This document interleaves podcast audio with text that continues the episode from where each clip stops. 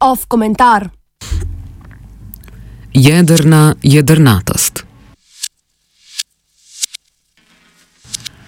Pretekli konec tedna smo lahko ponovno spremljali, kako povsem presenečeni voljivci levih in liberalnih političnih strank spremljajo volilni poraz svojih izbrancev.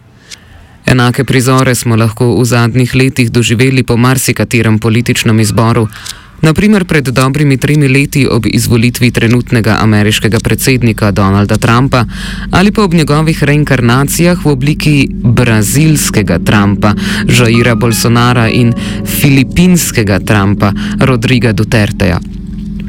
Porazom po začetnem šoku in izlivu negativnih čustev na družbenih omrežjih sledijo dolgovezne analize o razlogih za poraz in razprave o potrebnih političnih spremembah v lastnem gibanju.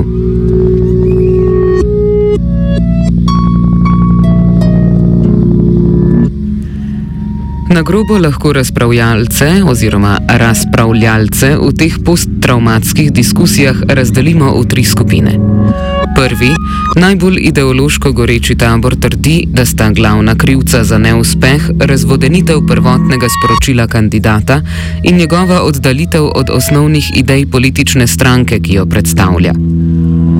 Tem oblikovalcem ideološke čistosti nasprotujejo politični pragmatiki, ki povdarjajo, da radikalne politične stranke, ki ne nagovorijo politične sredine, v kateri naj bi prebivala večina voljivcev, praktično nikoli ne pridejo na oblast. Čez to prepiranje ideoloških čistunov in pragmatikov pa svoj glas povzdiguje še tretja žalovalna skupina: skupina prevaranih. Ti namreč trdijo, da so njihovi kandidati v resnici zmagali na volitvah, na to pa so jih s prevaro ali sistemskimi ovirami oropali zasluženih političnih funkcij.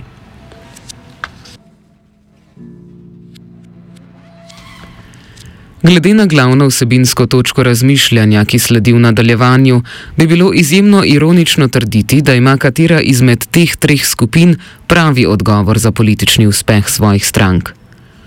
Če želimo ostati nezmotljivi in hkrati tudi postati povsem neosebinski, bi lahko enostavno zaključili z ugotovitvijo, da so resnični razlogi za politični neuspeh verjetno nekakšna mešanica pomislekov vseh treh omenjenih skupin, a to ni namen tega pisanja.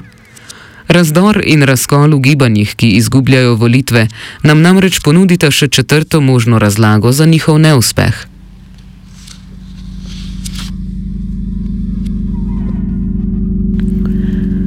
Ključna lastnost teh razprav o razlogih za poraz je neverjetna zmeda, ki jo spremlja.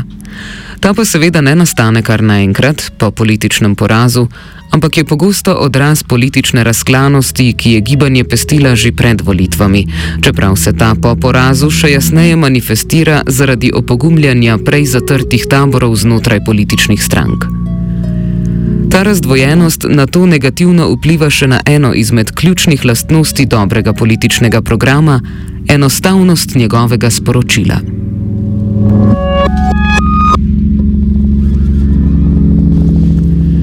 Dejstvo je, da populistične desničarske stranke javno podporo in posledično glasove na volitvah pridobivajo s šokantno preprostimi sporočili.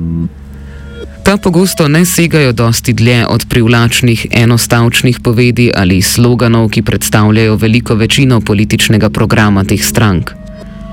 Pri tem je ključno razumeti, da Get Brexit Done ali pa Build the Wall niso kompleksne politične ideje, ki so jih vešči strankarski demagogi pretvorili v simpatične slogane.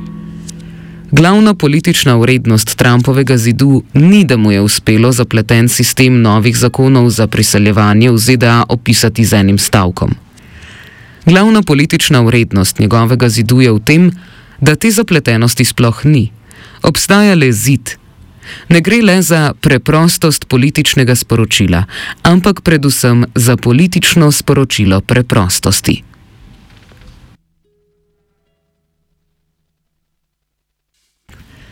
Ideološko razklana in politično razdrobljena opozicija je brez te sporočilne preprostosti vedno v defenzivni politični situaciji. K temu gotovo prispeva tudi medijski format sodobnih političnih kampanj, ki favorizira kratka in enostavna politična sporočila, a to ne more biti edini razlog za ta deficit preprostosti političnih kampanj levo usmerjenih strank. Enostavnost razumevanja in sporočanja je namreč do določene mere zasidrana v človeški naravi. Ljudje smo evolucijsko nagnjeni k iskanju vzorcev in poenostavljanju kompleksnih problemov in nalog. Hkrati je ljudi težko kriviti za takšen pristop do političnega dogajanja.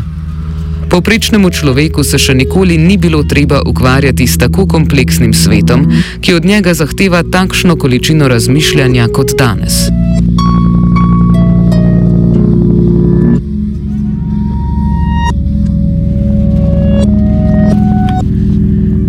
Tudi tisti med nami, ki se največ posvečamo političnemu dogajanju, smo krivi posploševanja, apliciranja zgodovinskih vzorcev na sodobne probleme in poenostavljanja.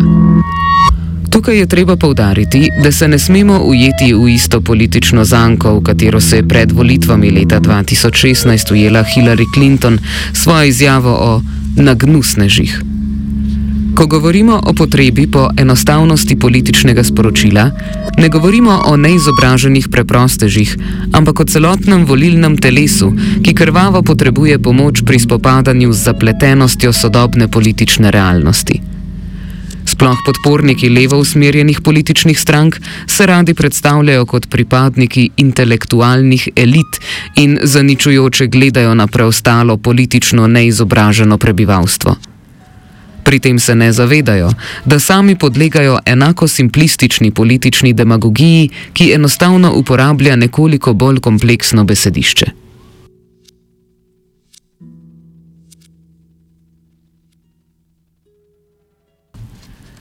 Ključno je povdariti, da enostavno in lahko razumljivo politično sporočilo ni nujno odraz brezosebinskega in praznega političnega gibanja. V preteklosti so mnoga gibanja z izjemno močno ideološko in teoretsko podlago uspela predstaviti hkrati enostavno razumljivo, a bogato politično sporočilo. Takšno politično sporočilo tudi ne zahteva absolutne notranje enotnosti gibanja. Zahteva pa enotnost glede glavnega in najpomembnejšega političnega sporočila, o katerem pa se omenjene poražene politične stranke in gibanja niso mogli zadiniti. Ko govorimo o preprostosti in jasnosti sporočila, ne mislimo istih političnih kompromisov, ki jih zahteva tabor političnih pragmatikov, ki smo jih omenili na začetku. Vsebine političnega sporočila ni treba spreminjati in prilagajati, treba jo je le znati razumljivo predstaviti ljudem, kar pa omenjenim poraženim strankam ni uspelo.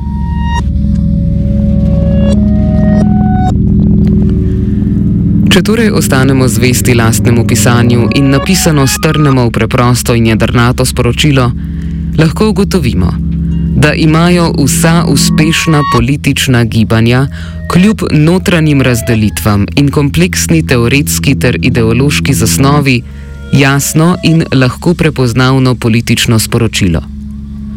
Pomankanje takšnega sporočila je kljub boljšim političnim programom eden od glavnih razlogov za volilne in referendumske poraze levo usmerjenih in liberalnih političnih gibanj zadnjih 20 let.